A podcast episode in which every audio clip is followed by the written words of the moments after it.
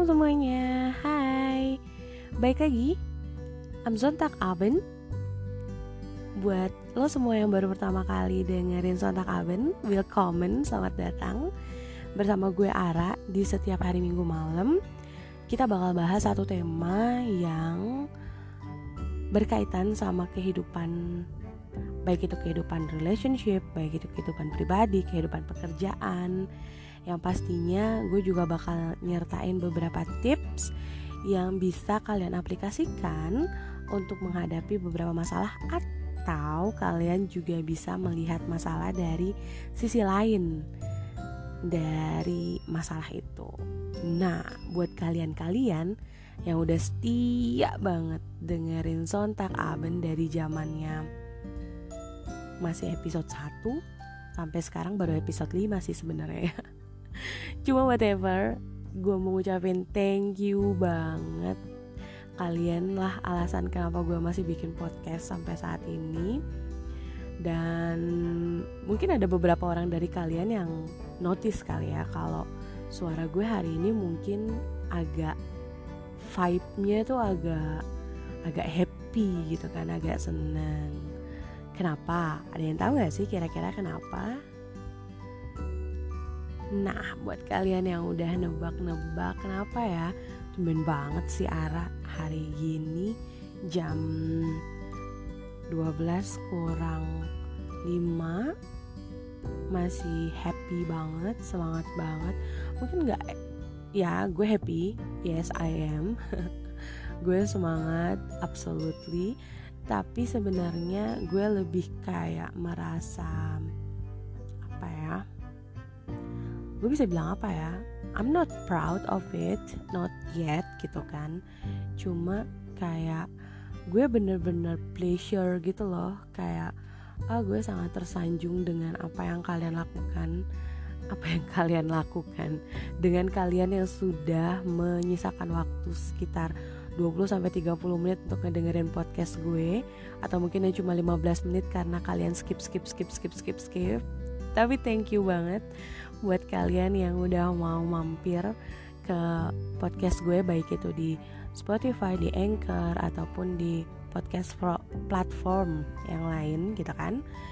Gue thank you banget sekali lagi dan itulah alasan kenapa hari ini gue bakal bahas tema yang sebenarnya masih sama atau relate sama hubungan eh sama hubungan sama tema gue minggu lalu gitu Nah, pasti juga di antara kalian banyak yang tanya, kenapa sih, kenapa sih dibahas lagi? Kan kita udah bahas. Tahu mungkin ada beberapa dari kalian ah nggak usah dengerin lah ya.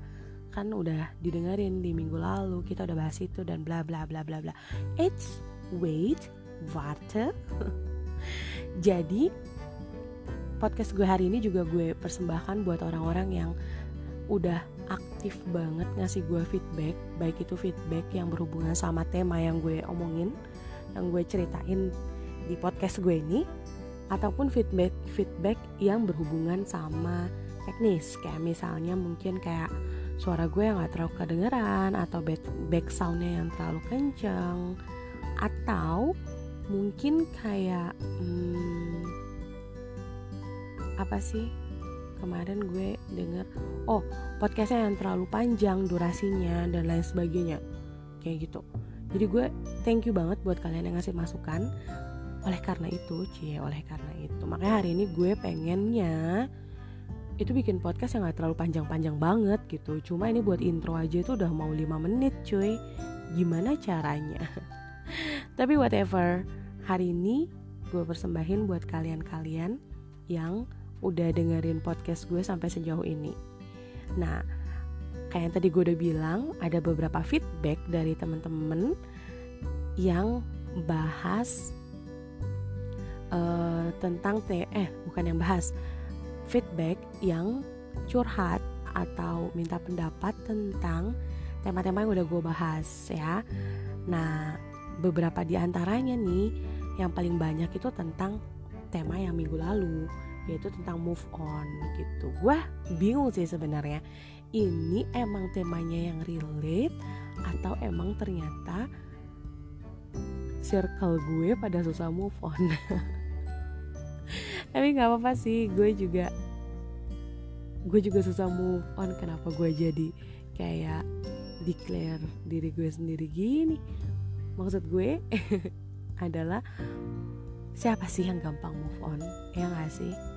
Pasti susah lah ya. Nggak segampang itu cuy move on itu. And now langsung aja gue bakal bacain salah satu DM dari temen gue teman lama gue yang sebenarnya tuh kita udah lama pernah ketemu gitu. Baru sekali sih cuma memang kita uh, aktif kontak di sosial media.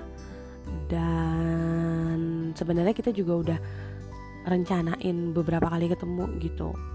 Cuma ya gimana dong? Karena emang belum tepat aja kali ya waktunya. Padahal kantor gue itu sama rumah dia tuh deket gitu. Jadi ya oke. Okay, balik lagi ke DM yang dia kasih. Dia bilang Ara katanya seneng banget deh Ra lo bahas tentang tema ini. As you know gue belum lama broke up baru sekitar dua bulanan. Dan lihat judul podcast lo di IG story jadi kepo banget. Parah sih relate-nya tentang apa yang lo share. But honestly, yang bikin gue bingung adalah sebenarnya di hubungan terakhir itu gue yang mutusin kalau hubungannya itu udah gak bisa lagi dilanjutin. Tapi lucu banget deh Ra, kok gue ngerasa kayak gue sendiri yang trying so hard to move on. Gue kayak pengen cepet-cepet cari pengganti gitu pengen cepet-cepet nggak sendirian lagi salah nggak sih? Soalnya kan nggak lucu ya kalau gue yang mutusin tapi gue yang nggak bisa move on. Uhuhu kasih saran please katanya. Iya, buat kamu yang cerita yang udah share ke gue, karena lo gue jadi kayak research gitu kenapa sih? Kenapa sih yang namanya move on tuh susah banget? Kenapa God? Kenapa? Kenapa harus ada move on gitu? Jadi kenapa move on susah banget? Oh sorry. Tiba-tiba ada motor lewat tengah malam kayak gini. Oke balik lagi. Jadi gue nemu sebuah artikel di Google artikelnya Helen Fisher. Nah, Helen Fisher ini sendiri adalah seorang antropolog ya, yang mana dia meneliti cara kerja otak manusia ketika mereka sedang jatuh cinta. Lucu gak sih? Lucu ya? Jadi si Helen Fisher ini bukan bukan katakanlah bukan um, orang sotoy kayak gue nih yang berpendapat tentang kayaknya gini deh, kayaknya gitu deh. Dia bahkan melakukan penelitian sama teman-teman penelitinya, cie teman-teman peneliti tentang otak manusia, gimana sih cara kerja otak manusia tuh kalau lagi jatuh cinta. Nah, jadi kata Helen ini bahwa otak manusia itu, otak manusia yang sedang jatuh cinta maksud gue, uh, itu mengalami yang namanya adiksi. It's like we are getting addicted to something atau di sini mungkin lebih tepat ke to someone gitu ya. Nah, after the rejection, you don't stop being you you don't stop loving that person. In fact, you can love that person even more. Jadi lucunya after rejection rejection itu berarti di sini yang dimaksud broke up itu ya putus lah atau misalnya uh, penolakan penolakan seperti itu. Penolakan untuk melanjutkan hubungan dan lain sebagainya kita tuh bahkan gak bisa langsung kayak turn off perasaan kita. In fact dan faktanya you can more you can love that person even more katanya. Kita bahkan bisa cinta orang itu lebih lagi dari apa yang kita rasakan sebelum rejection sebelum putus sebelum penolakan tersebut. The lover craves emotional and physically union uh, kita juga dibilang kalau kita tuh craving kita tuh kayak uh, menginginkan sesuatu tuh kayak aduh kayak pengen banget ketemu pengen banget ada kontak secara emosional kontak fisik dan efek yang diberikan tuh ternyata sama. Sama seperti efek adiksi yang diberikan oleh uh, obat-obatan atau alkohol. Wow.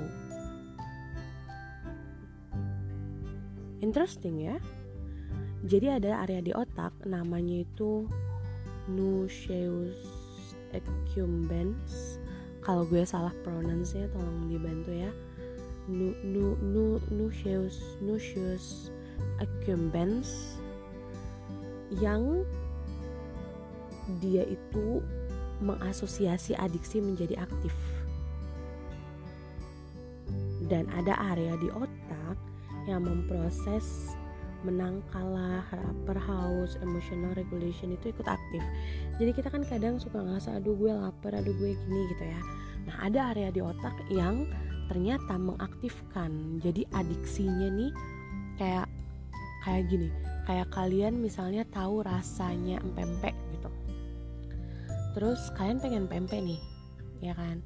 Tiba-tiba tiba-tiba kalian nonton video di YouTube, oh ada orang makan pempek. Nah, si bagian di si area otak ini mengaktifkan kalian makin pengen makan pempek kan?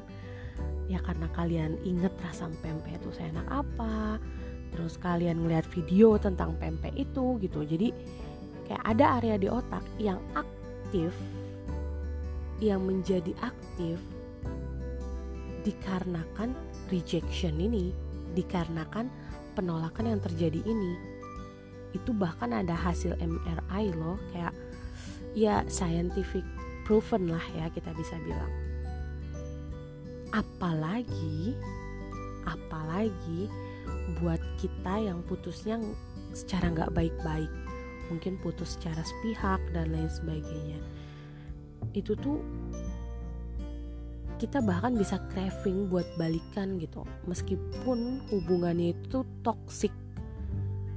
Jadi bisa bisa ada chemical chemical yang ada di otak kita tuh yang memproses bahwa oh there is a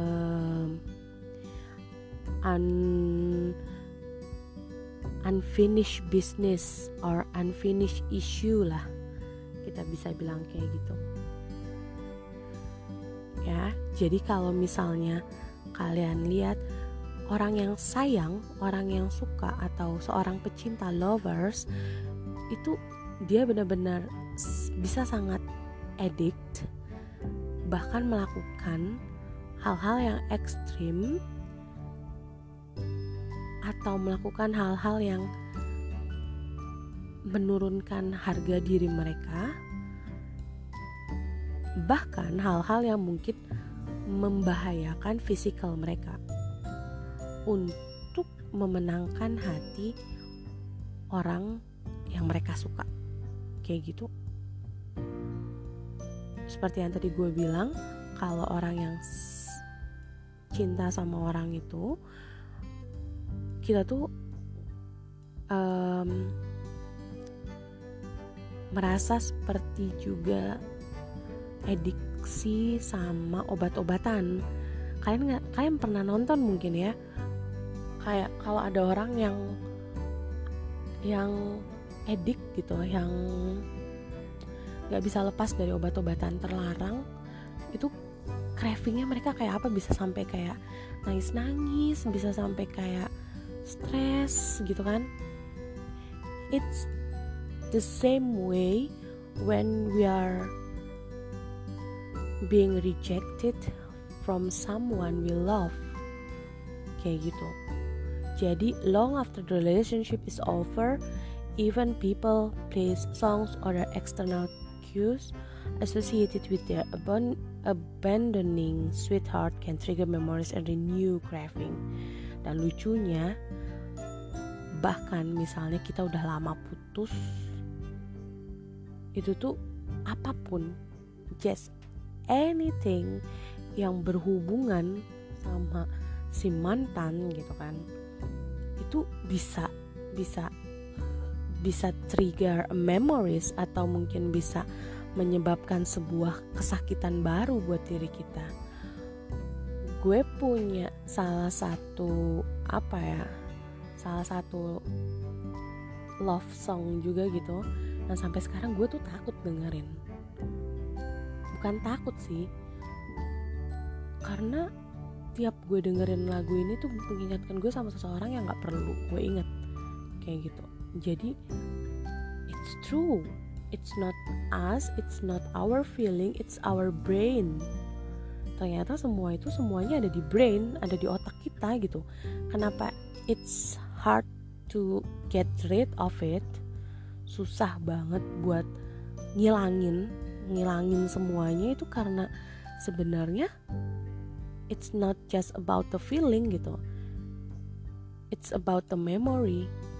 Jadi bukan cuma sekedar feeling semuanya tuh tapi juga tentang ingatan tentang daya ingat apa yang ada di otak yang lebih sulit dihilangkan kayak gitu. Nah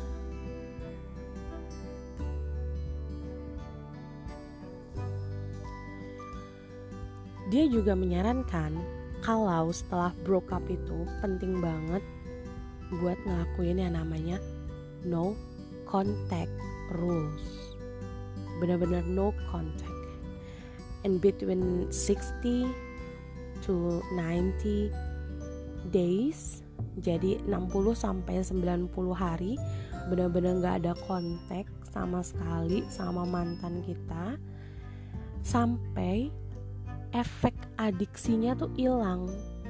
Sampai efek cravingnya tuh hilang gitu. No contact it means no no telepon nggak ada kalian hmm, stalking sosial media. Itu nggak boleh berarti ya. Juga atau mungkin baca-baca chat yang dulu-dulu itu nggak boleh kalau memang benar-benar mau move on